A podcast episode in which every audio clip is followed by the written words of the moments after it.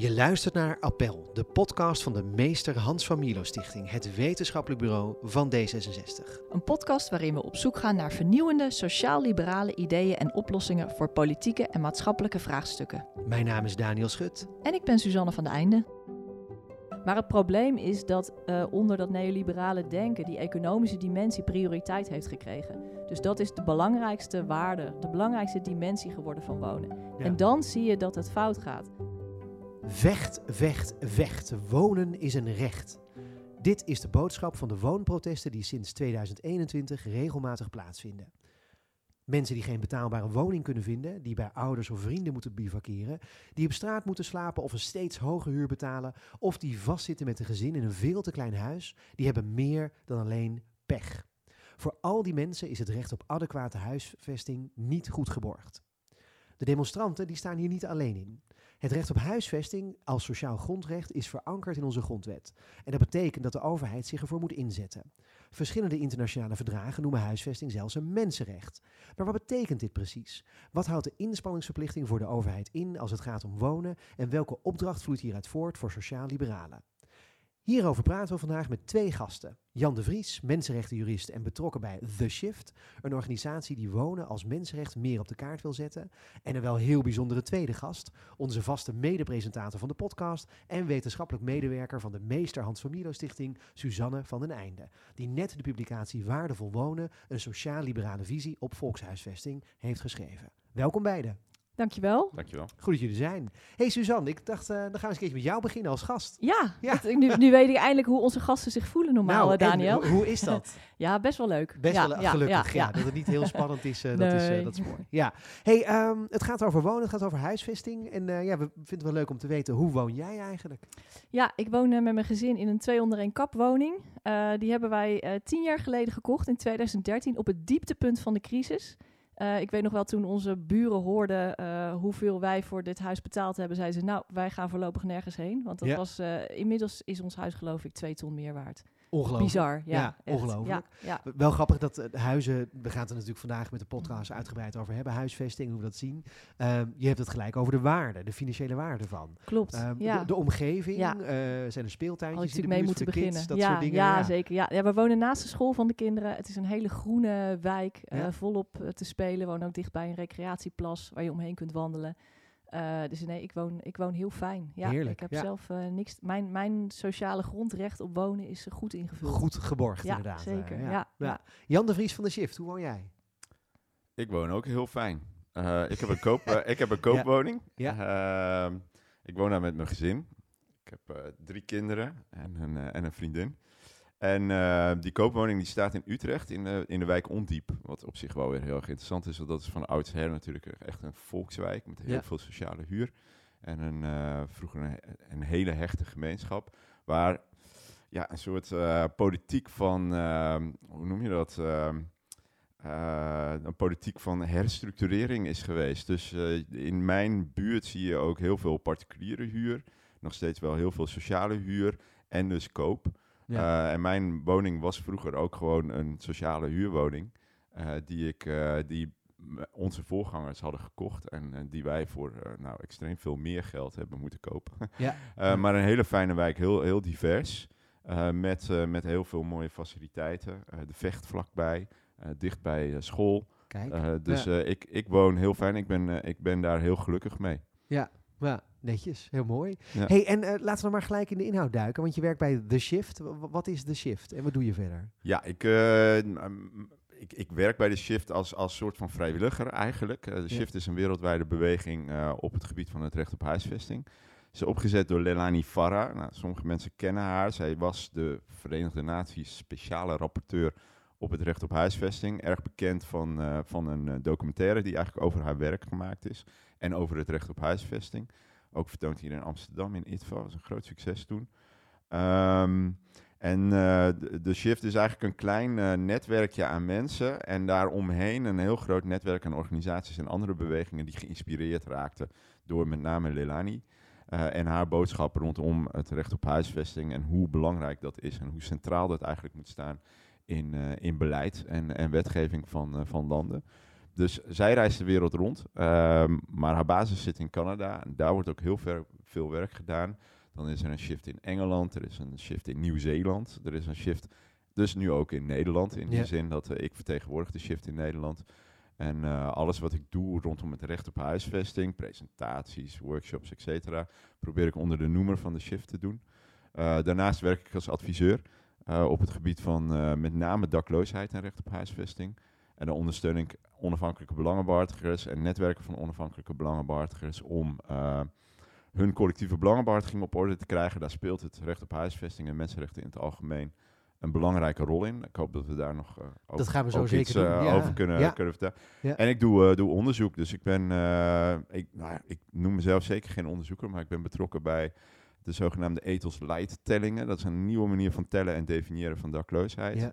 We hebben net gedaan in Den Bosch en Os, in de regio Noordoost-Brabant. Oh, daar kwamen toen die andere Ja. cijfers uit, Ja, hè? precies, Dan, ja, eh, met dan name heel- het CBS eh, Precies, ja. becijferde. Ja. Ja. Met Ja. name heel veel kinderen en, Ja. eh, en heel Ja. veel vrouwen. Met name omdat je niet alleen kijkt naar buitenslapers en mensen in de opvang, maar dus ook naar bankslapers, mensen in het vakantiepark en zo. Sluit eigenlijk niemand uit van die telling. Ehm, en ik doe nog als externe onderzoeker ben ik betrokken bij onderzoeken rondom eh, huisuitzettingen van een Ja. nationale ombudsman en een Gaan jullie kinderombudsman. die telling in alle gemeenten doen? Of Nou, we zijn, eh, eh, ja, we zijn net begonnen met zes andere regio's. Veel meer dan we hadden verwacht, eerlijk gezegd. Dus het was best lastig om eerst die twee regio's te krijgen die we hadden. Dus Den Bosch, Os en dan die regio's daaromheen. En nu hebben we dus zes, wat best fors is. Dus er is veel animo voor. Ja. En, en die, al die regio's willen die cijfers juist hebben, omdat ze zeggen, van, ja, we kunnen niks met de huidige cijfers. En we willen echt een reëel beeld hebben. Nou, dan gaan ze echt wel met de billen bloot, want ja, de- dat, is, dat is doorgaans hoger dan je, dan je misschien is eerst had geanticipeerd. Ja. En het is schrikken. En zeker die, die kinderen, dat was echt wel schrikken in Den Bosch Daar wil en ik het straks uitgebreid over hebben, want dat is onderdeel van dakloosheid. Maar Ja, eerst even terug naar Suzanne. Ehm, waardevol wonen, dat heb je dus net geschreven. Ja. Ehm, een sociaal-liberale visie op volkshuisvesting. W- waarom is woonbeleid bij uitstek nou een onderwerp waar sociaal-liberalen zich mee bezig zouden moeten houden? Omdat eh, sociaal-liberalen de volkshuisvesting hebben uitgevonden. Nee, Ja, nee echt waar. dat ja, waren de ja. PvdA'ers toch? Nee, nee, dat waren Leg wij. uit. Ja. Nee, in, eh, eh, even een hele korte historische samenvatting. In de 19e eeuw was het, was het wonen echt eh, erbarmelijk, vooral in de steden. De industria- industrialisatie trok heel veel boeren, vooral naar arbeiders, naar de steden toe. Nou, daar woonden ze verschrikkelijk, soms met hele meerdere gezinnen in één kamer. Eh, nou, lekkage, tocht, ongedierte, ziekte stierde welig. En toen brak op een gegeven moment de cholera uit. En toen legden artsen eigenlijk de link tussen wonen en volksgezondheid. Ja. Eh, en toen waren het ook sociaal-democraten, maar zeker ook sociaal-liberalen, die zich dat lot van die arbeiders echt aantrokken. En zij waren, behoorden tot de eerste die eh, woningbouwverenigingen oprichtten. Dat was dus nadrukkelijk niet de overheid, maar echt welgestelde burgers, artsen, notabelen en dergelijke. Die dus eh, ja, geld bij elkaar legden om dus fatsoenlijke woningen eh, te realiseren voor die arbeiders. Ehm, nou, dan, dat, dat was dus eerst echt iets hè, van bottom-up, wat vanuit de burgers gebeurde. En toen op een gegeven moment onder het sociaal-liberale kabinet Pierson Eh, werd de eerste woningwet eh, eh, aangenomen in 1901. Eh, initiatiefnemer was Goeman Borgesius, die zich de vader van de volkshuisvesting noemde. Um, en daarin werd dus uh, de zorg voor wonen als verantwoordelijkheid van de overheid verankerd. ja. Dus toen was het Ook echt in de grondwet toen? in de, in, nou, niet in de grondwet, maar in die eerste woningwet. Ja, De grondwet ja. kwam pas later. Maar daarin werd echt gezegd, wonen is gewoon hè, de zorg voor... Toen werd ook de term volkshuisvesting uh, vastgelegd. Ja. Naar analogie met volksgezondheid. En ook nadrukkelijk niet alleen arbeidershuisvesting... waar de overheid voor moest zorgen, maar breder. Dus huisvesting voor het volk was echt de verantwoordelijkheid van het Rijk. Ja, ja. Dus dat is, uh, hebben we, kunnen wij op onze konto E Even voor het begrip, uh, ja. want de meeste mensen hebben niet helemaal in het hoofd alle kabinetten vanaf Thorbecke. Dus Go Goeman Borgesius, waar hebben we het over? Ja, dan hebben we het over het, het sociaal-liberale kabinet Pierson uh, van 1889. Nee, ach, uh, ja, nee, 1898 tot 1901. 1898 tot, tot 1901. 1901. Okay, dus ja, we hebben het ja. over iets meer dan een eeuw geleden. Lang geleden. En dat is ja. echt ver voor de Eerste Wereldoorlog. Ja, ja, precies. Maar, En dat vloeide dus echt ook voort uit die sociaal-liberale waarden. Je had toen vooral de klassiek-liberalen die het voor het zeggen hadden. Ja. Die sociaal-liberalen die hadden zich afgesplitst. Ja. Uh, omdat zij echt vonden, ja, armoede, dat is geen kwestie van eigen schuld. Dat, eh, dat komt echt ook door hoe mensen eh, op de arbeidsmarkt worden behandeld, in de fabrieken, eh, doordat er gewoon geen woningen te krijgen zijn. Ja. Die verantwoordelijkheid kan je niet bij die mensen alleen neerleggen. Daar moeten we echt zorg voor dragen. Als maatschappij moeten wij Precies, ja. En zij vonden ook, Ja. dat vond ik ook een hele interessante bevinding, dat de overheid mensen moest beschermen tegen de uitwassen van het kapitalisme. Dus toen al. Kijk, Ja, heel goed. Jan, wist jij dit? Ik, ik wist dit deels, ja. Nee, dit, Ja. dit, is, dit is nog een stukje extra historie natuurlijk. En ik, ik, heb, ik heb ook met heel veel plezier het, eh, het, eh, de publicatie gelezen. Ehm, maar ook, eh, ik geloof dat ook Codike Hossenbach en, en, en, en anderen, die, eh, die hebben hier ook aandacht eh, voor in hun, eh, in hun publicaties. En- Wouter en, Bekers ook in Ja. zijn eh, proefschrift. Ja, en, en, en ga- gaandeweg wordt die historie, die is wel heel erg belangrijk om ook te begrijpen wat er allemaal misgegaan is en waarom we nu in deze situatie zitten natuurlijk. Dus het is wel heel mooi om dat historisch Ja. besef te hebben. Als ik het eh, boek van Suzanne zo'n beetje lees, dan komt er een heel belangrijk idee eruit naar voren. Namelijk het idee dat wonen als een recht gezien moet worden. En Ja. dat het dus eh, iets anders is dan van, oh leuk dat de overheid het doet, maar echt een recht, heel fundamenteel. Ja. Eh, Jan, kan je misschien uitleggen, waarom is dat zo fundamenteel, een passende woning hebben? Nou, een, een passende woning is eigenlijk de basis van alles. En, en dat kun je bijna het best nog beredeneren door na te denken over wat, wat, wat het met je doet als je geen passende woning hebt. Ja. En dan, dan komt eigenlijk alles in het geding. Dus je, je gezondheid eh, leidt eronder, eh, je, je, je toegang tot arbeid, je toegang tot onderwijs. Je, je hebt in principe niet de ruimte om je eigen leven in te richten zoals jij dat wil. Hè? Om je andere rechten te realiseren. Dus het is in die zin ook fundamenteel voor het realiseren van andere rechten. En uiteindelijk, de, uiteindelijk is het doel van alle mensenrechten is om bij te dragen aan een waardig leven. Ja. En, en juist dat ontbreken van het huis maakt dat je, dat je ver verwijderd bent van dat, eh, van dat doel. Ja. En dat, dat merken we nu natuurlijk ook. Dus Ja. alles staat stil. Ja, Suzanne? Ja. Ja, zeker. Het is inderdaad, het is de, de, de basis ook, hè, zeker als je het vanuit het sociaal-liberale gedachtegoed ook nog bekijkt, wat, wat we in de publicatie hebben gedaan. Het is de basis voor andere vrijheden. Het is de basis voor gelijkheid. Eh, het, het, het is, ja, Jan zegt het heel mooi. Het is eh, zonder wonen. eh doe, ga maar eens een baan vinden als je geen woning hebt of een sociaal leven opbouwen. van je vrije tijd genieten. Dat kan allemaal niet als je geen woning of geen passende woning Ja, hebt. het is een noodzakelijke voorwaarde voor alle Zeker. andere rechten eigenlijk Ja, inderdaad. ja. Ja. Ehm, nou is het natuurlijk wel interessant. Hè? Je gaf net aan de woningwet eh, van 1901 was dat dan dus ongeveer. Daarna heeft het, is het ook onderdeel geworden van de grondwet, wonen. Hoe zit dat precies?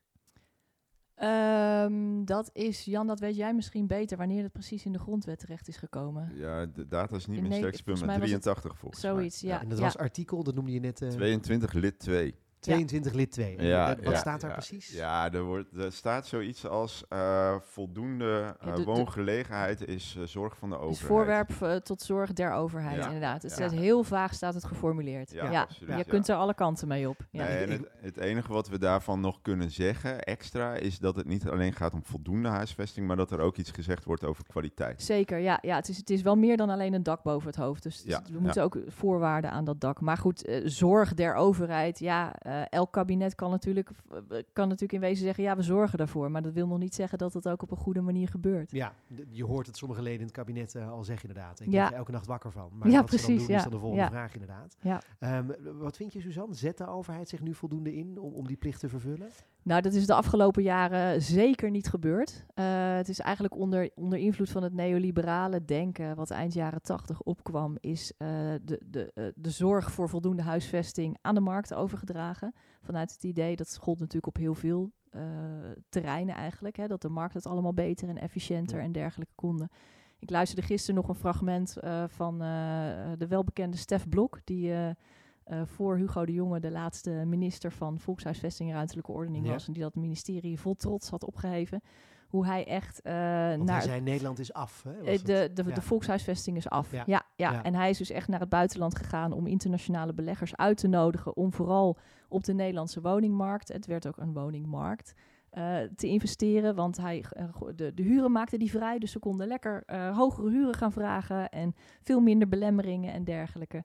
Eh, dus nee, het is toen echt een, eh, het is echt een taak van de markt geworden en veel minder van de overheid. Woningcorporaties kregen veel minder ruimte.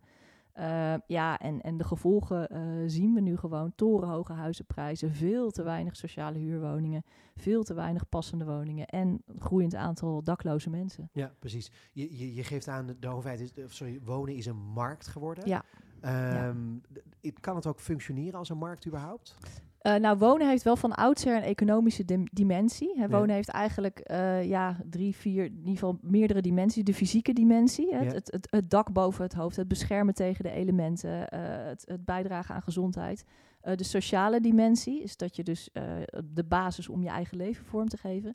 En die economische dimensie, die heeft het altijd al gehad. Sowieso om woningen te, te bouwen is geld nodig.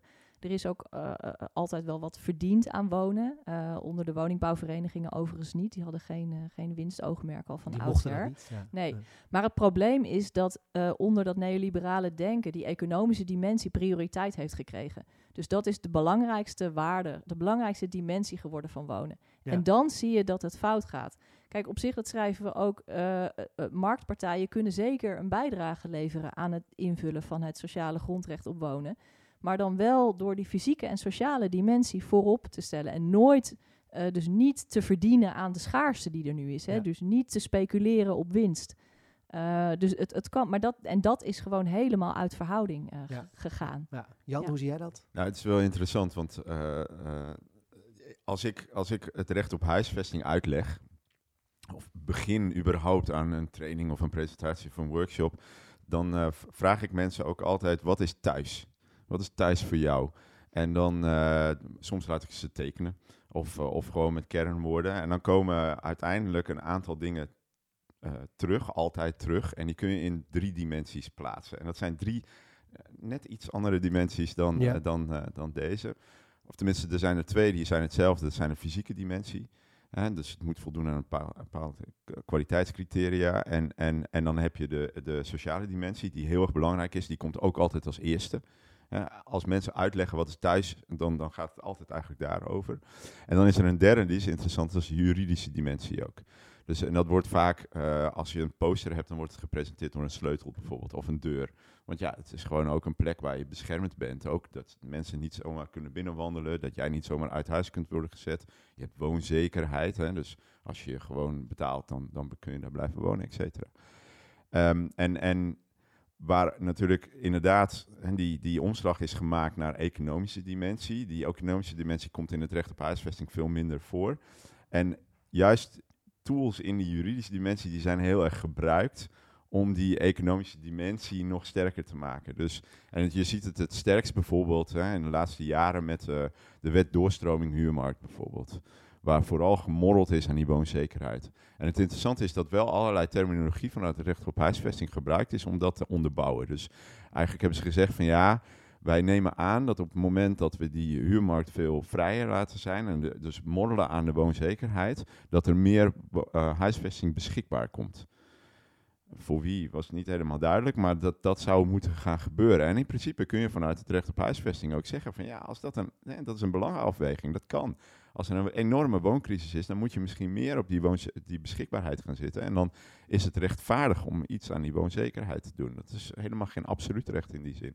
Maar ja, dan zie je dus dat uiteindelijk is er helemaal niet geredeneerd vanuit het recht op huisvesting. Je ziet dat de monitoring ook helemaal daar niet op gericht was. En zelfs bij de evaluatie zag je dat partijen nog het, het voor elkaar kregen om, om te argumenteren dat die wet doorstroming wel degelijk had gewerkt. Nou, vanuit ja. het recht op huisvesting dus niet, want je hebt gemorreld aan de woonzekerheid, wat enorm impact heeft gehad, met name op jongere mensen.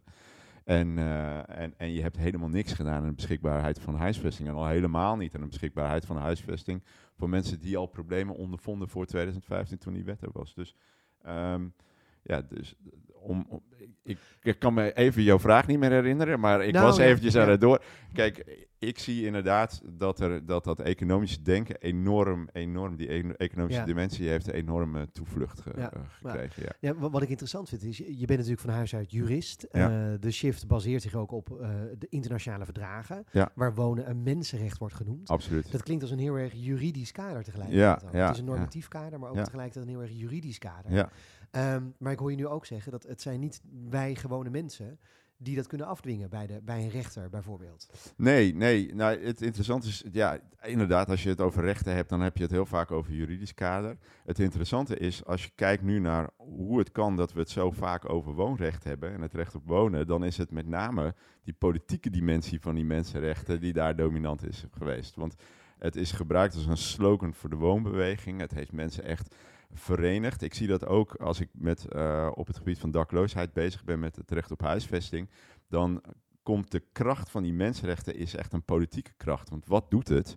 Het zegt niet van. Hè, het zegt eigenlijk van ja, die situatie waar jij in zit. Hè, en, en, en je zit tegenover een wethouder of een ambtenaar of een raadslid. Normaal gesproken, zonder die mensenrechtendimensie, zeg je van oh, zou je alsjeblieft iets aan mijn situatie kunnen doen? En dan moet je maar hopen het dat is, een Ja, zegt, uit medelijden, Hè? Ja. uit, uit Ja. empathie bijna, ja. Ja. En, ehm, maar als je vanuit mensenrechten gaat redeneren, dan ben je iemand die rechten heeft en die Ja. als rechthebbende zegt van, jij komt je verplichtingen niet na. Dat is een totaal ander gesprek. Dan hebben we nog totaal niet over de juridische dimensie, hè, dat je naar een rechter kunt of wat dan ook, maar eh, eh, dat is die politieke kracht bijna van, eh, van mensenrechten. Het geeft je macht in feite. Ja. Het geeft je al macht binnen jezelf. Als je dat collectief uit, dan geeft het je als, als collectief macht. Maar die politieke kracht die is wel eh, afhankelijk van de juridische dimensie. Dus het feit dat er een normatief kader aan hangt, dat Nederland die verdragen heeft geratificeerd en in feite heeft gezegd wij verbinden ons aan die verplichtingen. Precies. Ja. Dat, geeft je, dat geeft eigenlijk die politieke kracht. Ja. Want het is ook niet dat een overheid dan kan zeggen van nou, dat is niet mijn verplichting. Nee, Ja. het is het echt wel inderdaad. Ja, Ja, een precies. reactie? Ja, nee, ju- juist hè, wat je, precies wat jij zegt, dat je tegenover een wethouder zegt en, eh, zit en eigenlijk kunt zeggen, mijn recht wordt geschonden. Daarom is het ook zo belangrijk dat de politiek dat narratief van dat recht overneemt. Want taal doet ertoe. Leg als, uit. Ja. nou ja, als, je, als, als, als, als er gezegd, als er beseft wordt van die, al die mensen die, eh, ik geloof 390.000, er zijn 390.000 woningen tekort. Maar al die mensen die nu geen adequate woning hebben, hun recht wordt, het is niet zomaar pech of, of winnaars of verliezers of zo. Nee, hun recht wordt geschonden. Het, is, het, gaat, he- het is heel fundamenteel. Als dat wordt, meer wordt uitgedragen en als beleidsmakers dat ook meer beseffen, dan hoop ik, in ieder geval verwacht ik, dat dat ook leidt tot beslissingen, tot beleid dat bijdraagt aan de invulling van dat recht. Dan, dan wordt het gevoel van urgentie wordt dan groter. Exact. Ja. Ja. Dat is wat anders dan zeggen, ehm, en dat is misschien ook een brugje naar het volgende onderwerp, als het gaat over dakloosheid. Eh, dat is wat anders dan zeggen dat volkshuisvestingsproblemen eigenlijk vanuit een soort volksgezondheidsbril bekeken worden. Ja, het wordt nu, nu is vaak, eh, nu is bij, als het om dakloosheid gaat, is, is eh, de woning vaak het sluitstuk. Hè? Eerst, Ja. eh, er zijn natuurlijk veel daklozen, maar dat is een beetje de, de, de standaard dakloze persoon. Hè? Even Ja, tussen aanhalingstekens, die, die op een bankje slaapt. Het zijn vaak natuurlijk mensen met psychosociale problemen. Er wordt vaak, gaat vaak een traject, en ja, Jan weet daar nog veel meer. Het is eerst, eerst moet er van alles worden opgelost. Hè? De, de psycholoog, er moet werk gevonden worden, weet ik het allemaal. En dan pas komt de woning. Uh, maar dakloosheid is een woonprobleem. Want het grootste probleem is dat die persoon geen dak boven zijn hoofd heeft of haar hoofd. Ja. Dus dat diegene niet beschermd is en dat het recht op wonen niet wordt ingevuld. Tuurlijk zijn er daarnaast vaak ook problemen. Lang niet altijd overigens. Want uh, nou ja, ook die, dat kwam ook uit, uit die meting, denk ik, die jij hebt gedaan. En sowieso, er zijn natuurlijk ook heel veel mensen die een baan hebben uh, of, of nou ja, niet al die problemen hebben, maar ook geen dak boven hun hoofd of geen fatsoenlijke woonruimte. Uh, waar die, hè, dus die geen andere problematiek hebben. Maar het is gewoon een, het is een woonprobleem in de basis. Het moet ook als zodanig worden aangepakt. Ja, ja. Jan, vertel.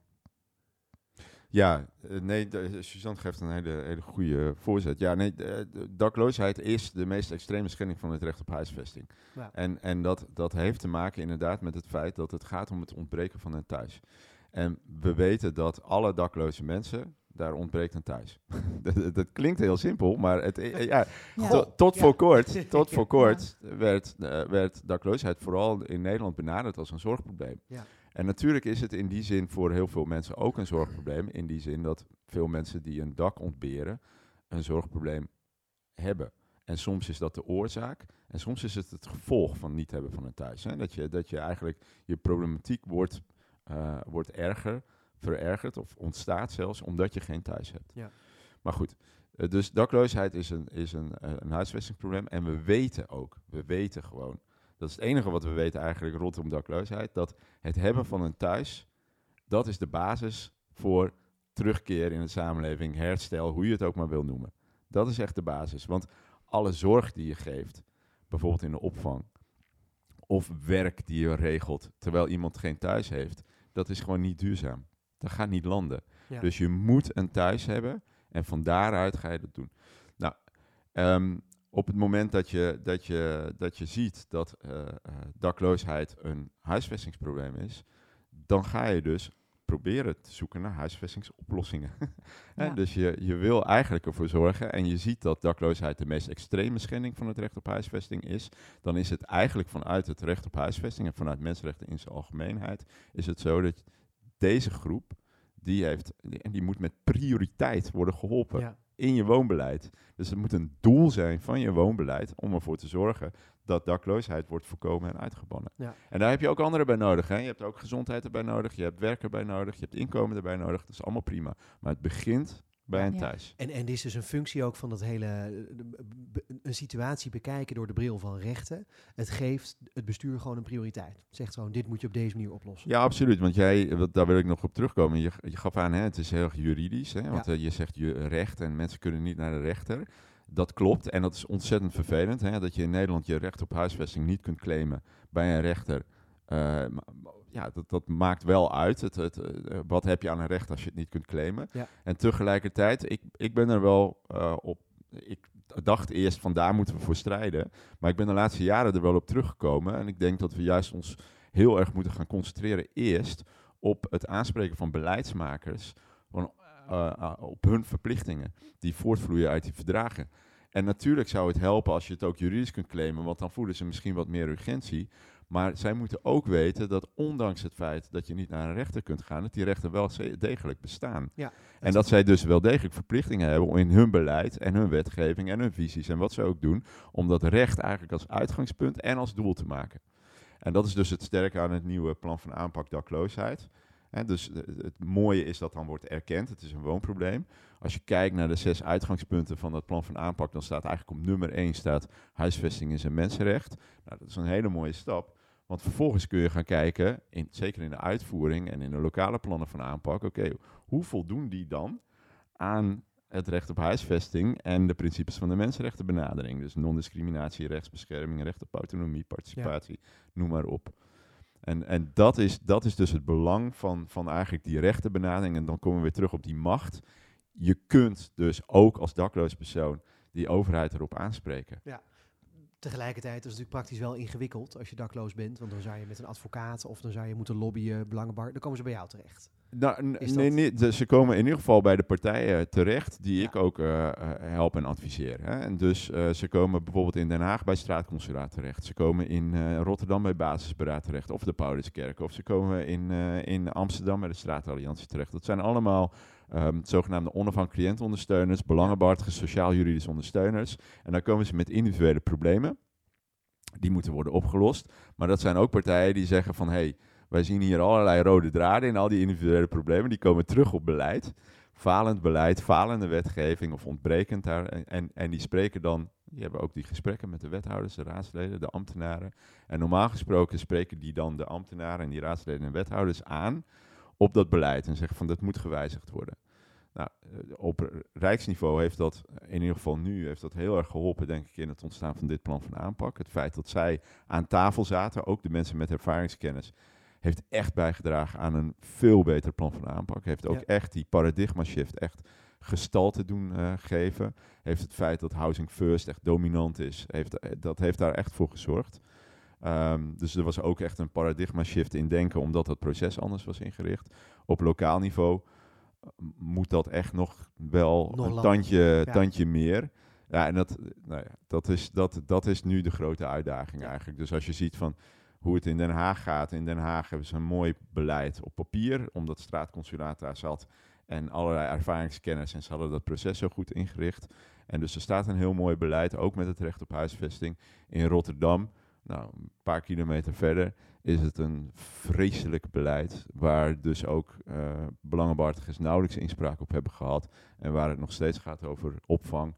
En dan is de wethouder hartstikke trots dat hij kan zeggen dat hij van eh, opvang met 12 bedden in een ruimte naar een opvang naar vier bedden in een ruimte kan gaan. Oh, nou, dan waar, heb waar je zijn er, die mensen gebleven dan? dan heb je er niks, eh, niks van begrepen. Nou, de, ze hebben meer ruimtes. Volgens, ja, volgens even, de, de, de, ze, ze mogen ja, d- er zijn meer ruimtes Oké, ja, waarschijnlijk. Ja, Dus ik, ik weet het niet. Ik weet het niet, maar het Ja. idee, hij is nog steeds, zit nog steeds vast in het idee dat, je, dat opvang de oplossing is. Ja, eh, en niet dat huisvesting de oplossing is. En het is interessant, want hij zegt dan van ja, we zitten in een wooncrisis. ja. Dus ik kan die huizen niet toveren. Ja, dat is op zich waar. Ehm, het- net je noemde Jan het woord housing first. Dat is Ja. een plan. Ik kijk even naar Suzanne uit Finland, geloof Klopt, ik. ja, Hoe en dat zit is- dat precies? Dat is een plan wat dus echt wat eh, dakloosheid als woonprobleem benadert. Dus housing first. Eerst krijgen dakloze mensen een woning en daarna worden de andere problemen aangepakt. En, en de kern blijft dus eh, dat je, dat je echt wonen als een recht ziet. En niet alleen maar puur door de, de bril van volksgezondheid bekijkt. Zeker, zeker. Ja, maar ja, het, En- het- precies hoe Jan het zegt. Hè. Ze hebben, eh, ze hebben, dakloze mensen hebben met elkaar gemeen dat ze geen woning hebben. Ja. Ehm, en hun recht op fatsoenlijke huisvesting wordt eh, het meest geschonden. Dus ik vind het ook heel goed dat in ieder geval D66 in het verkiezingsprogramma nu heeft staan dat er prioriteit moet ge- gegeven moet worden aan de aanpak van dakloosheid. En wa- wat vind je nou Jan van als je, eh, eh, als je hoort van zo'n wethouder van Rotterdam die je nog steeds blijft zien door de bril van opvang? Ja, wat ik daarvan vind. ehm, eh, bijzonder eigenlijk. Er is, natuurlijk, er is heel veel, er is steeds meer kennis ook over. Ik vind het een, een, een, eh, een, een beperkte visie eigenlijk. En ik denk dat het toch dat het ook te maken heeft met onvoldoende inleving. Misschien ook in, ja, in, in hoe dat is. Maar dat, goed, dat Ja, weet ik niet. Dat is speculeren. Ja, het Eh, is, het, is, het is interessant, want wat er, wat er gebeurt natuurlijk, als je zo'n plan van aanpak schrijft, hè, en, en, ehm, en op rijksniveau is, is eh, staatssecretaris Van Ooyen, zeg maar een soort Ja. van de coördinator, maar die betrekt Hugo de Jonge als minister van, eh, van Volkshuisvesting er heel erg bij, en die ervaart dat ook en die voelt dat, dus ook het ambtelijke apparaat is erbij betrokken. En ook eh, minister Carola Schouten van de armoedebestrijding, ook heel erg belangrijk, hè, werk en inkomen, die zijn er ook heel erg betrokken en ze maken dus een soort ja, dat heet dan in mooie ambtelijke taal een integraal plan. Ehm, maar uiteindelijk is het, ze zeggen eigenlijk van, oké, Hugo de Jonge zegt van, het is een woonprobleem, dus het is ook mijn probleem. Ja. En Carola Schouten zegt, het is eh, extreme armoede en uitsluiting, dus het is ook mijn probleem. En, en Van Ooyen die zegt van, ja, het is van oudsher natuurlijk, zit er ook wel een zorgprobleem bij een groot deel van de groep, dus ik ervaar dit ook als mijn probleem. En dus ze, ze, ze hebben zo'n plan en daar zijn ze allemaal verantwoordelijk voor in, in veel gemeenten zien we gebeuren, hè, vanuit de belangenbehartigers ook, dat het voornamelijk wordt geschreven door de afdeling maatschappelijke opvang, zorg misschien wel. En dat uiteindelijk wonen er bijna niet bij betrokken is en werk Ja. en inkomen ook totaal niet. Dus die ervaren ook niet die verantwoordelijkheid en het wordt ook niet uitgedragen. Ja. Hè, dus dus eh, in Rotterdam is dat helemaal misgegaan Het is in ook die een zin. kwestie van beleid, hoe het beleid wordt, wordt ingericht dan eigenlijk. Precies, Dat ja, en bij de moet juiste en- en het is- departementen ligt. Ja, nee, en het is wel interessant. Want ik, en we, we hebben met de belangenbehartigers hebben we nu alle verkiezingsprogramma's ook doorgespit. Eh, de- veel hebben 1, 2, 3 programma's eh, gelezen en gekeken van wat doet dat op voorkomen uitban en dakloosheid. Ehm, ik heb ze allemaal moeten doorploeteren. Eh, ja, ja, ja, ja. En, en met dank aan D66 ook nog wel eh, 230 pagina's was wel erg, erg veel. Maar, maar wel een, erg mooi, maar, maar een heel, heel ja. mooi programma, zeker op dakloosheid. En wat je, wat je dan ziet is eigenlijk ook in die verkiezingsprogramma's, wat interessant is, is dat eh, waar voorheen eh, dakloosheid vaak werd beschreven onder zorg, wordt het nu beschreven onder eh, wonen of bestaanszekerheid Ja. slash armoedebestrijding. Dus dat is wel positief. Maar vaak komt het maar één of twee keer voor en vaak onder eenzelfde paragraaf. Dus dat idee van vanuit die verkiezingsprogramma, het is een integraal probleem wat we met prioriteit moeten aanpakken. Hè. Het is eigenlijk de meest extreme vorm van bestaansonzekerheid. Dus in een tijd dat die verkiezingscampagnes allemaal over bestaanszekerheid gaan, Ja. zou je eigenlijk dat dakloosheid moeten pakken. En je zou willen dat het een apart hoofdstuk is in zo'n verkiezingsprogramma. En dat dan er staat van op wonen gaan we dit doen, op werk en inkomen gaan we dit doen, op zorg gaan we dit Ja, doen. ja. Maar dat is het dus totaal nog niet. Dat Nee. besef en die, dat gevoel van urgentie die daar dan uitspreekt, dat ontbreekt nog over de, over de grootste Nou, linie. Su- Suzanne, doet, doet D66 dat genoeg? En andere partijen? Ehm doet D66 dat genoeg? Nu, ik, ik vind echt het, het, eh, het huidige verkiezingsprogramma vind ik heel goed op het gebied van wonen. Daar staat echt eh, wonen als sociaal grondrecht Ja. expliciet Ja. benoemd. Prioriteit voor dakloosheid is ook echt de eerste keer dat D66 dat zo expliciet benoemt. Hè, er stond altijd wel iets in van zorg voor dakloze mensen, maar dan een beetje onderaan. Nu staat dat, ik vind het narratief nu echt wel echt heel erg veranderd. Ja. Ja. Ja. Dus ik, eh, ja. Eh, wa- Wat ik nu voor de rest wil doen is een, een beetje het probleem eh, afpellen. We zijn begonnen met de meest extreme schending van het recht op Ja. wonen, namelijk dakloosheid. En dat is een essentieel probleem, denk ik. Maar laten we dan ook eens even kijken naar de, de iets minder extreme vormen van schending van het recht. Ehm, hoe ziet dat er nu dan uit? Eh, er zijn natuurlijk, los van dat er te veel daklozen zijn, zijn er ook te veel mensen die verkeerd wonen. Waarom, Suzanne, zou ik dat als een schending van het recht moeten zien? Je kan ook gewoon zeggen, je hebt gewoon pech. Ja, dat zou kunnen. Ehm, maar eigenlijk wat we net al zeiden, als jij eh, eh, eh, bijvoorbeeld als jij, als, jij als, student, als jij geen kamer kunt vinden en je moet bij je ouders blijven wonen, nou dan heb je een hele andere studententijd dan dat je zelfstandig woont. Als jij op een gegeven moment op jezelf wil gaan wonen en zelfstandig wonen, die kun je niet vinden. Je wilt samen gaan wonen met je partner, maar je kunt niks vinden. Je kunt geen, eh, je wilt een gezin, maar je moet die keuze uitstellen omdat je geen goede woonruimte kunt vinden het, het niet kunnen vinden van adequate woonruimte heeft consequenties voor heel veel andere keuzes in het leven. En mensen stellen ook levenskeuzes uit. Ehm, en natuurlijk, niet alles is maakbaar, maar eh, dat is, dat is wel heel erg fundamenteel. Een ander probleem is ehm, eh, doorstroming, zeker van oudere mensen. Heel veel oudere mensen die blijven, dat hebben gemeenten ook onderzocht, die blijven in hun gezinswoning wonen omdat er geen eh, fatsoenlijk of betaalbaar alternatief is. Ja. Dan Ja. moeten ze, als zij naar een huurappartement zouden willen, nou als die al te krijgen zijn, dan gaan ze daar veel meer betalen dan voor hun koopwoning. Ja, dan zouden ze natuurlijk in hun redenering wel gek zijn als ze dat zouden doen. Ze zitten er lekker dan. Ja, Nou ja, goed, ja. of misschien Ja. niet eens lekker. Hè? Misschien als gaan ze wat mankeren en zouden ze best naar een ap- appartement willen. Maar voelt dat gewoon financieel eh, als, een, als een verkeerde afweging. Ja. Ehm, daardoor blijven er weer woningen die eigenlijk voor gezinnen zijn gebouwd, eh, bezet en kunnen daar geen gezinnen gaan wonen. Dus het heeft gewoon heel veel consequenties. En eh, omdat het zo doorwerkt in andere levenskeuzes, geldt daar ook voor mensen die wel een dak boven hun hoofd hebben, maar niet een dak dat past eigenlijk, geen passende woning hebben bij hun situatie. Ehm, geldt dat ook als een schending van het recht op huisvesting. Ja. Is- Is Ja. dat ook waarom je het wel, wonen wel de grote ongelijkmaker noemt? Of de grote gelijk, ja, ongelijkmaker? Wonen, ja, wonen is inderdaad, dat is, dat is door, een, door een heleboel ehm, beslissingen eigenlijk die al een beetje voorbij zijn gekomen. Maar doordat het, het, de invulling van het sociaal grondrecht aan de markt is eh, overgedragen, doordat het ook gefinancialiseerd is. Dat betekent dat financiële markten een steeds grotere rol hebben gekregen. Eh, de, de, hypo- de rente was heel erg lang laag, dus mensen konden torenhoge Ja. som- eh, bedragen lenen. Nou, dat dreef de woningprijzen alleen maar op, hè, want grond is eindig. Je kunt op een gegeven moment niet meer bijbouwen, dus dan hop, dan gaan de, gaan de prijzen alleen maar Ja. omhoog. Ehm, eh, nou, mensen dus die daar... lang niet iedereen kon daar natuurlijk van profiteren. Dan krijg je op een gegeven moment... Er is op een gegeven moment een scheidslijn ontstaan... tussen mensen die of eh, zelfvermogen hebben... rijke ouders hebben... eh, al heel vroeg eh, op een goed moment in staat zijn geweest... om een woning te kopen. Ja. hè, die ertussen zijn gekomen op die woningmarkt. En mensen die dat, die dat niet kunnen. Dus daar is een scheidslijn ont- ontstaan tussen rijk en arm, tussen jong en oud, hè, tussen vermogende en niet-vermogende mensen. Ook omdat het kopen van een woning echt, dat is echt, dat is ook nog een ideologisch project geweest. Het kopen van een woning werd op alle mogelijke manieren gestimuleerd.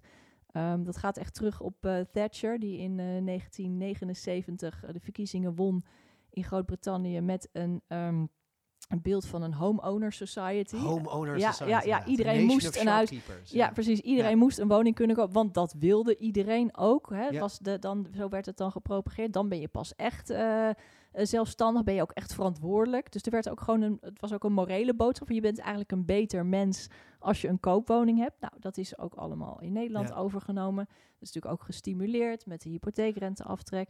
Maar lang niet, voor lang niet iedereen bleek, bleek dat weggelegd. Ja. Eh, waardoor er dus ook een hele grote eh scheidslijn tussen koop en huur is, eh, is ontstaan. Ja, ja. Ja. Het, ehm, Jan, hoe zie jij dat?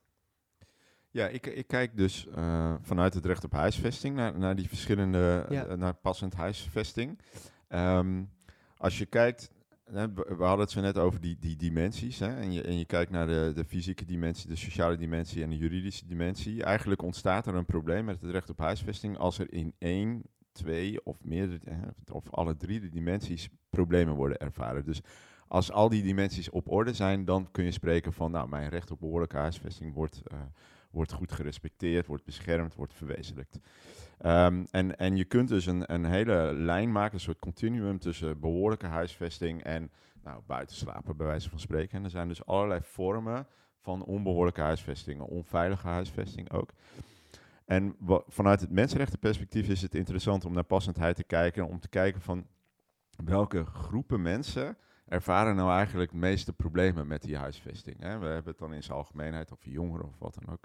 Maar um, één issue is altijd bijvoorbeeld mensen met een beperking. Ja, dat is een groep waarvan je weet van als het aan de markt wordt overgelaten, nou laat maar zitten, dan gaan ze niet aandacht aan besteden. De overheid heeft ook echt een plicht om ervoor te zorgen dat mensen met een beperking, fysiek of verstandelijk, uh, uh, goed, goed wonen, ook goed kunnen leven. Um, en daar Um, vanuit het mensenrechtenperspectief zie je dan dat als daar dus geen aandacht voor is, als dat mensenrechtenperspectief geen uitgangspunt is voor je woonbeleid, dan zie je dat deze, deze groep met name um, in ieder geval altijd structureel achterloopt. En dat gebeurt dus ook. En dat is eigenlijk bijna niet eens gekoppeld aan economisch denken of niet. Het is gewoon puur het besef dat verschillende groepen ook verschillende woonbehoeften hebben. En dat voor sommige groepen die ook achtergesteld worden in onderwijs, die gediscrimineerd worden op de arbeidsmarkt en noem maar op, dat er dus extra aandacht nodig is om voor passende huisvesting. Ja, ik ga even toch advocaat van de duivel spelen, want dat moet af en toe. Dat is gewoon, uh, denk ik, wel goed om te doen. Um, want ik hoor je nu zeggen, oké, okay, uh, eh, passende huisvesting voor allerlei groepen die er kunnen zijn. Ja. Je zou ook kunnen zeggen, vanuit dat perspectief van advocaat van de duivel, um, ja, als het recht minimaal gegarandeerd is, waarom zouden we ons daar nog meer druk over moeten maken? Je kunt een vergelijking trekken met het hebben van een auto bijvoorbeeld. Ehm, iedereen die een rijbewijs heeft en iedereen die gewoon goedgekeurd is om de weg op te mogen. Ja, dat is prima. Ehm, maar het is niet aan de overheid om iedereen een SUV te geven of een perfecte auto. Nee, of zeker niet. Zeker Als iemand in een tweedehandsje rijdt omdat het enige is wat ze kunnen betalen, dat is hun probleem. Ja, ja, helemaal goed. Wat moet de overheid dan doen? De overheid moet in ieder geval garanderen dat er een gelijke toegang is tot passende huisvesting. Ja. Dat is het allerbelangrijkste. En op het moment zeg maar, dat die overheid dus niet garandeert dat er überhaupt voldoende betaalbare opties zijn voor mensen met een fysieke beperking bijvoorbeeld. Hè, en dat er steeds meer op drie hoog moeten wonen zonder een lift. Ja, dan wordt het een, een serieus probleem. Want wat is het effect voor die persoon zelf? Ja. ja. die wordt aangetast in de mogelijkheid om een sociaal leven op te kunnen bouwen, bijvoorbeeld. Die wordt daar ook ongezonder van. Ja, maar, dus maar, maar waar houdt de plicht van de overheid of de maatschappij op? Die, die houdt in het geval van behoorlijke huisvesting, houdt hij dus op bij de garantie dat iedereen gelijke toegang heeft tot passende huisvesting en betaalbare huisvesting. Dus die gaat best ver. En dat betekent niet zeg maar dat iedereen inderdaad op Noorderhout moet wonen in een grote villa of wat dan ook. Ik wou net voorbeelden Nee, nee, ja, ja, nee, ik, ik, ik, ik, ik voelde hem aan. Ik, ik, ik, ik, ik, ervoer hem hier. Maar in ieder geval wel in zo'n situatie wonen dat het als adequaat gezien wordt, waardoor je een leven kunt opbouwen. Op het moment dat jouw uh, toegang tot huisvesting actief wordt belemmerd, hè, omdat je bijvoorbeeld een beperking hebt, omdat je niet de financiën hebt en je kunt dus niet fatsoenlijk wonen, dan kun je dus ook niet fatsoenlijk leven opbouwen. Ja. Hè, want daar begonnen we mee. Ja. Het wonen, dat is zo cruciaal. Dus, en eerlijk gezegd, als je er toch een economisch argument aan zou willen geven, is het ook ontzettend belangrijk voor die overheid om juist daarin te investeren. Want het zorgt ervoor dat je heel veel kunt besparen, dat kan ik je verzekeren, op dingen als zorg. En, uh, en, en het kleine pleisterplakken, armoedebestrijding die je nu doet. En, uh, en rondom werk en al dat soort zaken. Dus het bespaart je ook ontzettend, ontzettend veel. Dat is een argument waar bepaalde partijen denk ik heel blij mee zijn. Het bespaart. Dat is uh, Suzanne. Ja, nog, nog, even als aanvulling inderdaad. Uh, want je vroeg van wonen is nu een, uh, een ongelijkmaker. Dat klopt. En ik denk dat we als het om wonen gaat, moeten we echt... We hebben het als sociaal-liberalen vaak over kansengelijkheid. Mm -hmm. Maar ik vind dat we op het gebied van wonen echt naar een bepaalde mate van radicale gelijkheid moeten streven als het gaat om een invulling van het sociale grondrecht op wonen. Want natuurlijk, er mogen verschillen bestaan in een samenleving, die zullen er altijd bestaan.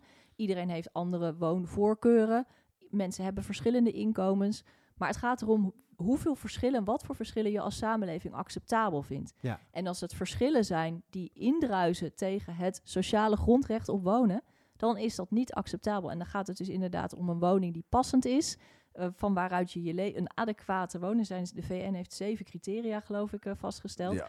En ook om een woning in, en dan gaat het op, dus om een, een, een gezonde woning, een veilige woning, een woning die past bij de behoeften die jij hebt. Eh, maar ook om een, een veilige wijk bijvoorbeeld. Hè? Want de woonomgeving is ook heel belangrijk Ja. bij het sociale grondrecht op wonen. Daar zijn natuurlijk, naast de scheidslijnen die we al noemden, zijn er ook eh, fysieke scheidslijnen ontstaan tussen goede en slechte wijken. Ja. Als het om wonen gaat. Dus, dus daar mag echt, dat, daar gaat het gewoon om radicale gelijkheid op het gebied van wonen die we moeten afdwingen. Ja. Noem eens wat verschillende voorbeelden dan over hoe het ongelijk kan zijn en ongelijk kan maken. Hoe het, het, het kan ongelijk maken. Als. Wat zijn nou, als, het, als, de, je... nou, als, als de, de invulling van jouw sociale grondrecht afhangt van je vermogen of je inkomen, dan gaat er iets fout. Ja. Dan is er geen sprake van gelijkheid. Ja. Als jij alleen maar, eh, eh, als jij eh, in aanmerking komt voor een sociale huurwoning en je kan alleen maar ja of ja zeggen tegen een woning, maar je kan helemaal niet, je, hebt ge- je, kan- je, je kan helemaal niet eens tussen A of B kiezen, hè, wijk. A of wijk B, dan is er geen sprake van gelijkheid. Ik vraag er een beetje op door, omdat ik... eh, eh, er was laatst een podcast van het NRC... eh, waarin werd gezegd, nou ja, het grote probleem met de woningmarkt is ook... 50% van de mensen heeft een koopwoning... en die zitten eigenlijk nu wel prima. Klopt. Ehm, we hebben misschien wel argumenten voor deze mensen nodig... om ook aan ze te laten zien of te laten voelen... eh, hoe vervelend het kan zijn als je niet bij die 50% gelukkige mensen hoort. Dus, Ja, ja. ja, hoe- Nou, hoe- ja, ja, ik ja? denk wel dat dat steeds minder wordt hoor, die 50%. In Ja, die zin ja. dat, ehm, de, de, de- dat we het überhaupt hebben over wonen als een groot probleem. En dat dat centraal staat eh, in heel veel verkiezingsprogramma's. En dat we het hebben over een wooncrisis.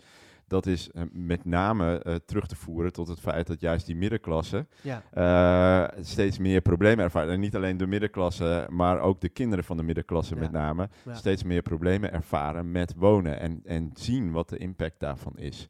Er is natuurlijk het daaronder... dat iets pas een, een crisis mag heten als de middenklasse er last van En, krijgt? en ik, ik, dat- nou, ik, ik vind dat, dat... is heel verschrikkelijk. ja, Ja. ja. ja, aan, de- aan de ene kant eh, is dat natuurlijk heel erg, want dat betekent dat er hè, een hele grote groep die eigenlijk al heel erg lang gewoon in eh, zeer grote problemen eh, Ja. eh, verkeert eh, op het gebied van wonen, gewoon niet gehoord en gezien is en dat het niet belangrijk genoeg eh, werd geacht. En die mensen die eh, heel grote groepen stemmen ook inmiddels niet meer, hebben geen Nee. vertrouwen in de overheid, et cetera. Dus allemaal aan elkaar verbonden. En tegelijkertijd, ja, het is een gegeven dat als de middenklasse het ervaart dat het een issue wordt, laten we het dan vooral gebruiken. Maar laten we dan ook vooral eh, aandacht hebben, wel voor die groep die daaronder hangt. Ja. En niet alleen interventies bedenken en maatregelen bedenken die voor de middenklasse Precies, goed want uitkomen. dat, dat gevaar Ja. dreigt een Ja. beetje. Want Ja, heel veel precies. politieke partijen die focussen maar op die middengroepen. D66 heeft dat ook. Nou, ja, we moeten echt bouwen voor de middeninkomens. Ja, zeker ook. Maar Ja. vergeet vooral niet die groep die geen dak boven het hoofd Precies. heeft. Ja, precies. ja, dat is wel een belangrijk punt wat jij noemt. Ja. Ja, ja. Ja. Nou, en dat, dat zie je nu natuurlijk met een hele discussie rondom die accijns eh, op benzine, maar ook zelfs met de energierekening. Hè. Hoe, hoe konden we dat compenseren? Daar kwamen een soort van halfgare generieke maatregelen, Mhm. waar ik als middenklasse best wel blij mee was. Hè, want ik ervoer ook wel een beetje stress rondom die energierekening. Maar per saldo ja, levert het vooral de middenklasse heel veel op. Ja. Zij ervaren iets minder stress. En het, ze hadden sowieso, ik had nooit een probleem. Ik ervoer niet de stress van ik kan mijn rekening niet betalen. Het was meer van, oh, het gaat meer opslokken van mijn inkomen. Maar ja, misschien dat het iets hielp voor die groep daaronder, maar niet op een structurele manier natuurlijk. Nee, nee. Nee. Suzanne, dat punt over dus, we moeten niet alleen maar focussen op middeninkomens. Leg dat nog eens uit. Ehm, nou, dat is eigenlijk, je, hè, zoals jij zelf zei, het wordt, het wordt nu pas als een probleem ervaren eigenlijk nu. eh, de mensen met een middeninkomen en de kinderen ook van eh, meer midden- of iets hogere inkomens daar Ja. last van krijgen. Ehm, het, het gevaar is dan dat je vooral dat de oplossingen, hè, dat wordt dan ook vaak politiek zo mooi geframed als voor de, hard, de gewone hardwerkende Nederlander. Dat we daar vooral voor gaan Ja. zorgen. Ja, Ja. daar moet ook voor gezorgd worden. Alsof maar voor iemand die iedereen. nachtdiensten draait in verpleging niet een hardwerkende Nederlander is. Ja, of iemand die niet kan werken door Ja. bepaalde problemen. Of eh, die misschien heel graag harder wil werken, maar dat niet kan. Er zijn, het, het, is, een, het is een frame van hè, de, de, vooral dat gewone erbij. Wat is gewoon? Ja, daar Maar kan je een hele Wie filosofische zie discussie jij over voor je hebben. dan, als je denkt aan een gewone hardwerkende Nederlander? Wie is dat? Ja, dat is heel moeilijk. Daar zie ik, ik zie dan een heel breed scala aan mensen voor Ja. me. Maar ik weet niet of de politieke partijen die dat zo framen, of die dat ook zien. Of ze echt iemand voor zich hebben. Wat denk jij Jan, wie is dan de gewone hardwerkende Nederlander? Oh, ja, Die middenklasse? Ik, ik zou daar van alles eh, bij kunnen verzinnen. Ja. Ik weet niet wat, eh, wat men Nee. daaronder verstaat. Nee. Maar als je ziet ook, hè, van, eh, bijvoorbeeld er worden nu allerlei voorrangsmaatregelen eh, getroffen hè, voor, voor huisvesting. En dat gaat dan over ja, voorrang voor de verpleger, de agent en de dokter of de, de, de, de leraar. Nou, dat zijn dan de voorbeelden. Maar ik vraag me dan af, ja, de pakketjesbezorger die elke dag bij jou op de stoep staat. Ja. De vuilnisman, hè, als die staken, dan, eh, dan staat, dan staat het land in brand zo ongeveer. Zijn dat dan geen hardwerkende mensen? Nee, dat, maar daar kunnen we een hele discussie over hebben. Kijk, ik denk dat ook dat als het gaat om die middenklasse, dat is een gegeven. En mensen die stemmen in hun eigen belang, dat ga je gewoon niet, Ja. niet veranderen. Maar wat, wat je wel kunt veranderen, is natuurlijk gewoon de problematiek aan de onderkant zichtbaar maken en Ja. mensen een stem geven en een gezicht geven. Ja. En dat, dat is heel erg belangrijk. En daar is die rol van, die, hè, van die, het maatschappelijk middenveld is daar gewoon cruciaal in. Dat zij dus die stem geven, dat ze het gezicht geven, dat ze zorgen dat mensen een stem hebben. Dat ze aan tafel zitten ook, hè, als beleid wordt gemaakt, als wetgeving wordt gemaakt. En dat, dat die belangen dus echt op tafel komen. En dat er ook inzichtelijk wordt voor die ambtenaren en die politici, die ook allemaal beleid maken vanuit hun bril van de middenklasse, hoog opgeleid, dat die zien wat de effecten daarvan zijn. Ja. En, en daar, die versterking van het maatschappelijk middenveld en, en het stimuleren ook echt van die tegenmacht en die tegenkracht, dat zie ik als een van de grootste uitdagingen voor, voor, de, voor, voor gemeenten, voor de Rijksoverheid, om dat echt, eh, echt, eh, echt te gaan stimuleren. En, en heel veel, eh, ook in die verkiezingsprogramma's, het gaat allemaal om het dichten van de kloof tussen de overheid en de burger. En er moet meer burgerparticipatie. Als je dan per saldo kijkt van om welke burger gaat het, het gaat om de vrijmondige burger vaak. En echt die interventies gericht op van hoe zorgen we ervoor dat die mensen die deels afgehaakt zijn, of die helemaal Ja. afgehaakt zijn, dat die weer gehoord worden. Hè, en dat die een stem hebben en dat die zitten aan tafel. Hoe ze dat ook willen doen, hè, ruw, eh, maakt niet zoveel uit. En hoe zorgen we ervoor dat de processen die wij hebben bedacht van hoe zo maken we beleid, aangepast zijn aan de mogelijkheden van deze groepen. Ja, daar, daar is gewoon nog niet eens een begin van denken aan. Suzanne, maak er eens een begin mee. Ja, Ja, vertel. ja. Nou, ehm, ehm, als het gaat om dakloosheid, dan hoor je ook nog wel eens van ja, ja, ik spreek ook wel eens een dakloze persoon die daar zelf voor kiest. Die willen helemaal niet in een, in een huis wonen. Ja. En dan denk ik altijd, al zou dat zo zijn, dat is nog geen enkel excuus om je niet volop in te zetten voor al die andere mensen die niet vrijwillig dakloos zijn. Want ik ben ervan overtuigd dat het verreweg de allergrootste groep is. Ja. Ik vind dakloosheid vers verschrikkelijk. Het raakt mij elke dag als ik van het station naar kantoor loop, kom ik ook langs mensen die duidelijk op straat leven. En dan denk ik altijd, dat zijn ook ooit baby's geweest die ergens geboren Ja. zijn. Het zijn ook ooit kinderen geweest. Hoe, hoe is het zo gekomen? Dat raakt niemand zou in een land als Nederland überhaupt nergens, maar zeker niet in Nederland dakloos moeten zijn. Ja. Je je noemt in je, in je boek noem je ook eh, een aantal aanbevelingen om dan het, het, het huisvestingsbeleid weer vlot te trekken. Eh, noem er eens één. Ja, één aanbeveling is een, eh, een grondwaardebelasting. Eh, we betalen nu eh, onroerende zaakbelasting over onze woning. Ehm, en één voorstel is om eens te onderzoeken of een, een grondwaardebelasting dat zou kunnen eh, vervangen. Ja. Dat is een belasting die je eigenlijk betaalt over de waarde die de grond he- heeft. Hè. Als er ergens een, een woning wordt gebouwd, woningen worden gebouwd, dan stijgt de grond onmiddellijk in waarde. Nou, er komen voorzieningen bij, misschien openbaar vervoerverbindingen, speeltuintjes. Dus die waarde van de grond stijgt. Ehm, nu profiteert de individuele huizenbezitter daarvan als die zijn woning verkoopt. Ehm, terwijl een grondwaardebelasting, daar, dat zou dus een belasting zijn die verder gaat dan de waarde van het huis, maar Ja. ook de grond meepakt, waardoor die waardestijging terugvloeit naar de gemeenschap en weer gebruikt kan worden om wijken waar dat nodig is, eh, bijvoorbeeld in te investeren. Dus dat is een van de Ja, aanbevelingen. precies. En het gaat, dan, gaat die het nu vooral om kopers of gaat het ook om huurders? Of, Ja, dat, dat gaat denk ik dan vooral om, om kopers. Ja. Eh, hu- ja, hoe dat met huurders precies zit, dat, eh, ja. Maar dat weet ik ook het is natuurlijk wel, makelaars zeggen altijd, eh, er zijn maar drie dingen heel belangrijk bij Locatie, locatie en locatie. Ja, precies. ja, Precies. ja, dus maar nu, je- gaat, nu is die, die waarde die komt dan bij de, die, hè, die waarde van die locatie komt dan bij de individuele koper terecht. Terwijl Ja. die best zou mogen terugvloeien naar de samenleving die ook betaald heeft uiteindelijk hè, voor die waardes, waardestijging door de aanleg van voorzieningen en dergelijke. Ja. Dus dan mag er ook wel wat naar teruggaan. ja. ja. Jan? Een hele concrete is het, eh, is het fors ophogen van de sociale huurgrens. Ja. Eh, Leg uit, ja. ja, dat veel meer mensen gebruik kunnen maken van sociale huisvesting. Ja. Ehm, maar dan moet het gepaard gaan met een, eh, met een herwaardering eigenlijk van de woningbouwcorporaties. Ja. Mhm. En dat die eh, veel meer voorrang krijgen om te bouwen. En veel meer, eh, veel meer gediversifieerd eh, bouwen ook. Ja. Eh, dus dat is... Want, eh, want hoe hoog is de grens ja. nu? En, Oh, dan moet je. Ik geloof dat hij nu is hij ook voor eh, koppels is hij anders dan voor alleenstaande. klopt. Alleenstaan is hij van 38, 39.000. En voor koppels iets van Ja. 42 of zo. Suzanne Nou, dit, grijpt naar haar publicatie. Ik, eh, dan moet staat ik even erin. Oeh, Het staat, het ja. staat erin, ja. Ja. ja. het ja. voelt wel een beetje zo overhoring zo. eh, Ja, maar, ja. En we hebben het niet goed geleerd. Ja. ja. maar hij is in Ja. ieder geval heel erg, heel, heel erg laag. En het punt is natuurlijk Precies. dat op het moment dat je net iets meer verdient, dan word je, over, en, en, en dan Ja. word je overgeleverd eigenlijk aan de vrije huursector. Want je Ja. hebt dan waarschijnlijk ook niet voldoende inkomen om een huis te kopen. Ja. En die vrije huursector, ja, Ja. dat is een soort jungle. Dus, ehm, Ja. en, en het interessante is dat er bijna niet wordt gesproken over het ophogen van die sociale huurgrens en het, en het fors meer investeren in die volkshuisvesting, maar dat heel veel aandacht dus ineens gaat naar hoe, wat gaan we doen om die middenhuur te reguleren. En dan denk ik van ja, dan ben je dus echt symptoombestrijding aan Ja, het doen. precies. Dat Ja. inderdaad, dat, dat fors ophogen van de sociale huurgrens, dat is ook een van de aanbevelingen die we Ja. doen. En die, die woningcorporaties weer een veel grotere rol geven. Want die waren van oudsher ook de logische partners van de overheid Ja. om dat sociale grondrecht op wonen in te vullen. Ja. Ook na de Tweede Wereldoorlog bij de wederopbouw hebben ze het gros van de woonbehoeften voor hun rekening genomen.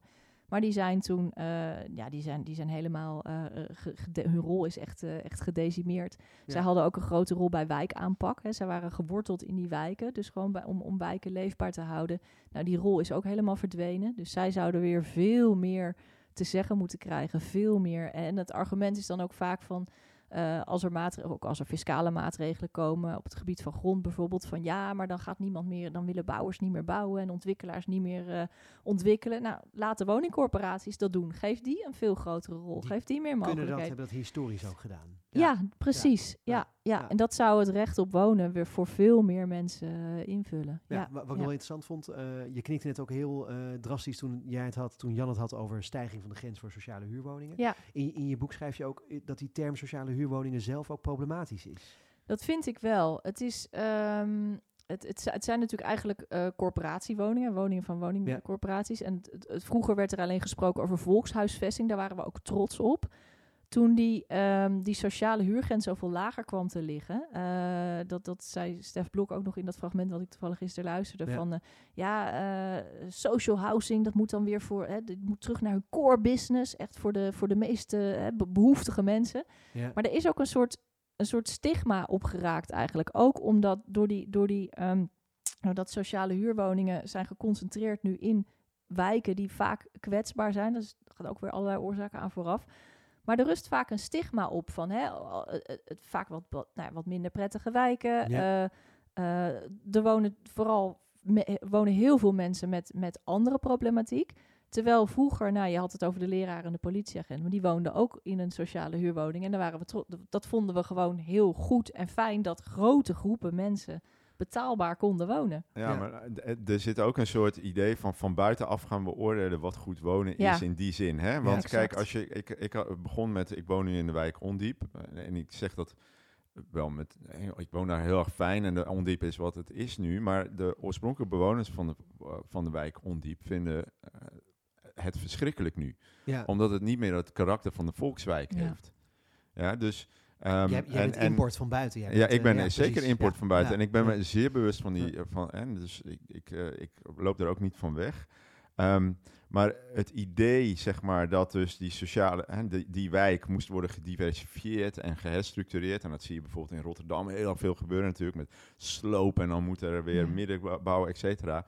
Dat komt vanuit het, eh, dat, daar zit ook een soort idee achter van ja, dat is dan beter voor iedereen. Ja, Hè? Terwijl, zeker in de Tweebosbuurt bijvoorbeeld, maar ook de ondiepers die, die ik spreek, ja, die, zijn, eh, die zeggen van ja, we zijn onze gemeenschap kwijt. Ja. En het idee dat die gemeenschap, hè, ongeacht wat er allemaal speelde, dat dat ook ontzettend cruciaal is Ja. voor je wonen. En, en voor het kunnen realiseren ook van het, eh, dat eh, recht op wonen. Ja, dat, dat, dat, dat is volledig vergeten, omdat we er van buitenaf een andere blik op gooien. Ja. Dus dat die, die gemeenschap wordt dan niet eens meer erkend als een kracht. En er wordt niet vanuit die gemeenschap gedacht van oké, hoe kunnen we de problemen waar men wel tegenaan loopt wel oplossen door de kracht van die gemeenschap verder te gebruiken. Nee, er wordt gezegd van nee, we gaan het diversifiëren, we gaan het herstructureren, gentrificeren. En dan komt het wel goed, want dan krijg je de stijging en dan kun je uiteindelijk naar je eigen koopwoning.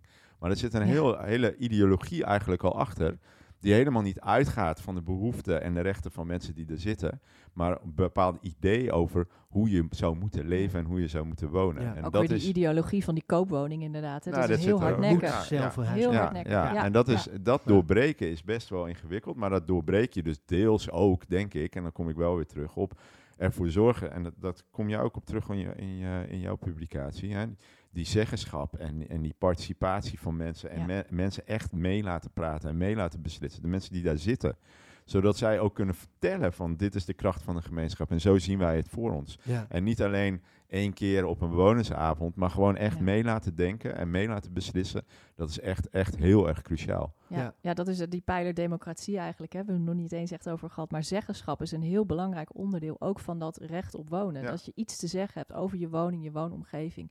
En inderdaad, het benutten van de kracht van die gemeenschap, dat kan veel sterker. Dat is ook eigenlijk verdwenen. Hè? Omdat hoe we begonnen, die volkshuisvesting is ontstaan van onderop. En nu is, het al, eh, nu is dat, dat onderop karakter is eigenlijk eh, is waar heel marginaal. De Ja, en- coöperaties en- zitten ver weg. Ja, en het wordt nu een Ja. soort self-fulfilling prophecy, Ja. hè? want Ja. je hebt dus eh, wetgeving en beleid gecreëerd, waardoor inderdaad er wijken ontstaan waar echt wel heel veel kwetsbare bewoners zitten, ook vaak tijdelijk. Hè? Dus wat, wat een eh, wijk extra kwetsbaar maakt, is dat er bewoners zitten die geen binding met de wijk meer hebben. Ja. Dus die gewoon roleren vanwege de tijdelijkheid van de contracten met name ook. Hè? En, eh, en dus je hebt dat gecreëerd en vervolgens zeg je van ja, nee, dat zijn nu probleemwijken en dan moeten we gaan aanpakken. En wat is dan vaak de oplossing? Nou, herstructureren. Ja. En dat, dat is een soort vicieuze cirkel waar je dan in zit. Ja.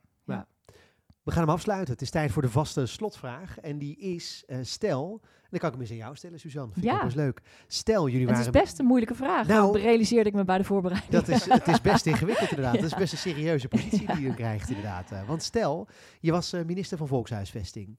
Wat zou jij nu doen om zo snel mogelijk, zoveel mogelijk mensen aan een passende woning te helpen? helpen. Ja, Ehm, ik zou drie dingen doen.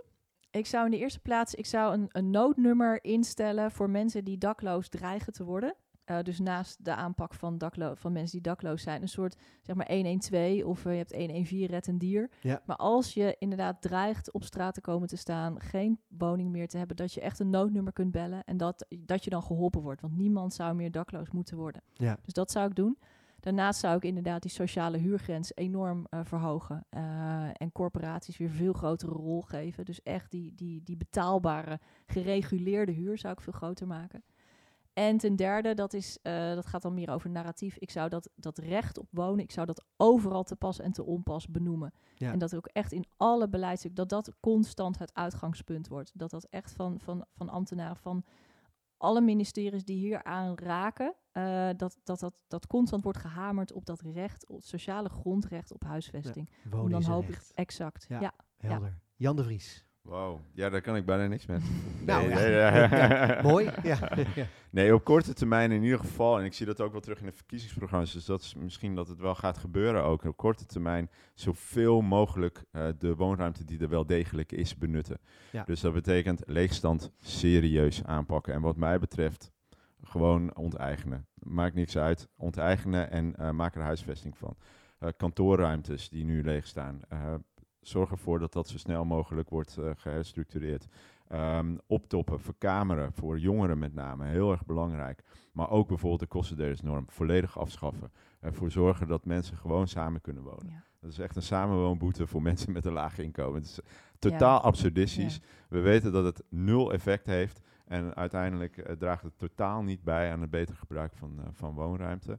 En zeker ook kijken van wat je nu al kunt doen om die doorstroming van oudere mensen naar voor hen ook passende huisvesting Ja. eh, vergemakkelijken. En daar zit ook een financieel aspect in. Het is niet alleen de stenen. Dus dat is, dat is zeker één. Nou, ik zou natuurlijk het oplossen van dakloosheid en thuisloosheid als topprioriteit stellen van, van mijn huisvestingsbeleid. Ehm, en, en daar ook echt een doel van maken. En dat betekent dat je ook zeg maar, die cijfers van dak- en thuisloosheid gebruikt om te sturen in je woonbeleid. Ja. En niet in je zorgbeleid, maar in je woonbeleid. En dat is, eh, da- daar zijn En we de, nog cijfer, de echte cijfers. De echte dan, cijfers, die cijfers, jij, de eh, echte cijfers, ja. En dus echt Ja. ook in kaart brengen wie er allemaal niet fatsoenlijk woont. Hè? Ja. Ehm, dus, eh, dus dat zeker doen. Die sociale huurgrens is echt wel heel erg belangrijk. En, eh, en echt de regie pakken op die volkshuisvesting. En op het brede terrein van huizen. Dus dat betekent ook dat je eh, alles wat goedkoop en eh, stimuleert eigenlijk gewoon, ja, problematisch stimuleert, zoals de hypotheekrenteaftrek, eraf. Ehm middenhuur, als je dat moet hebben, eh, prima, volledig reguleren. Ja, want, en het kan. Het kan ook, hè. nu ook, het kan. Die grenzen die zijn nog lang niet opgezocht. Ook, er wordt vaak gezegd van er is een tegenstelling tussen dat, hè, het huurreguleren en het recht op eigendom van de huizen. Hè. Dat zie je nu ook, er wordt een rechtszaak begonnen. Ja, alle beleggers die Ja, eh, al- klagen steen en been. Ja, van, Ja. we kunnen niet meer genoeg verdienen. Nou, Ja, Euro- er vol van inderdaad. zielig. Ja, Zielig. ja, ja, nou, is- ja. en eh, juridisch, eh, kijk, het Europese Hof heeft daar, een hele, eh, heeft daar heel veel jurisprudentie over. En eigenlijk zou de jongen veel verder kunnen gaan. Ja, Ja. alright. Maar toch nog een angst, hè? Vaak. Ja. Het is zeker een angst, maar ook belangen natuurlijk die dan Ja. een rol spelen. Maar als je dat recht op huisvesting, waar jij mee eindigde, het recht op huisvesting als uitgangspunt neemt, dan ontkom je niet aan dat soort keuzes. Nee. Hartelijk dank Jan de Vries en Suzanne van den Einde voor dit gesprek. En jij luisteraar, dank voor het luisteren naar deze aflevering van Appel. Vergeet niet je te abonneren, want over twee weken staat er weer een nieuwe aflevering voor je klaar. Tot snel!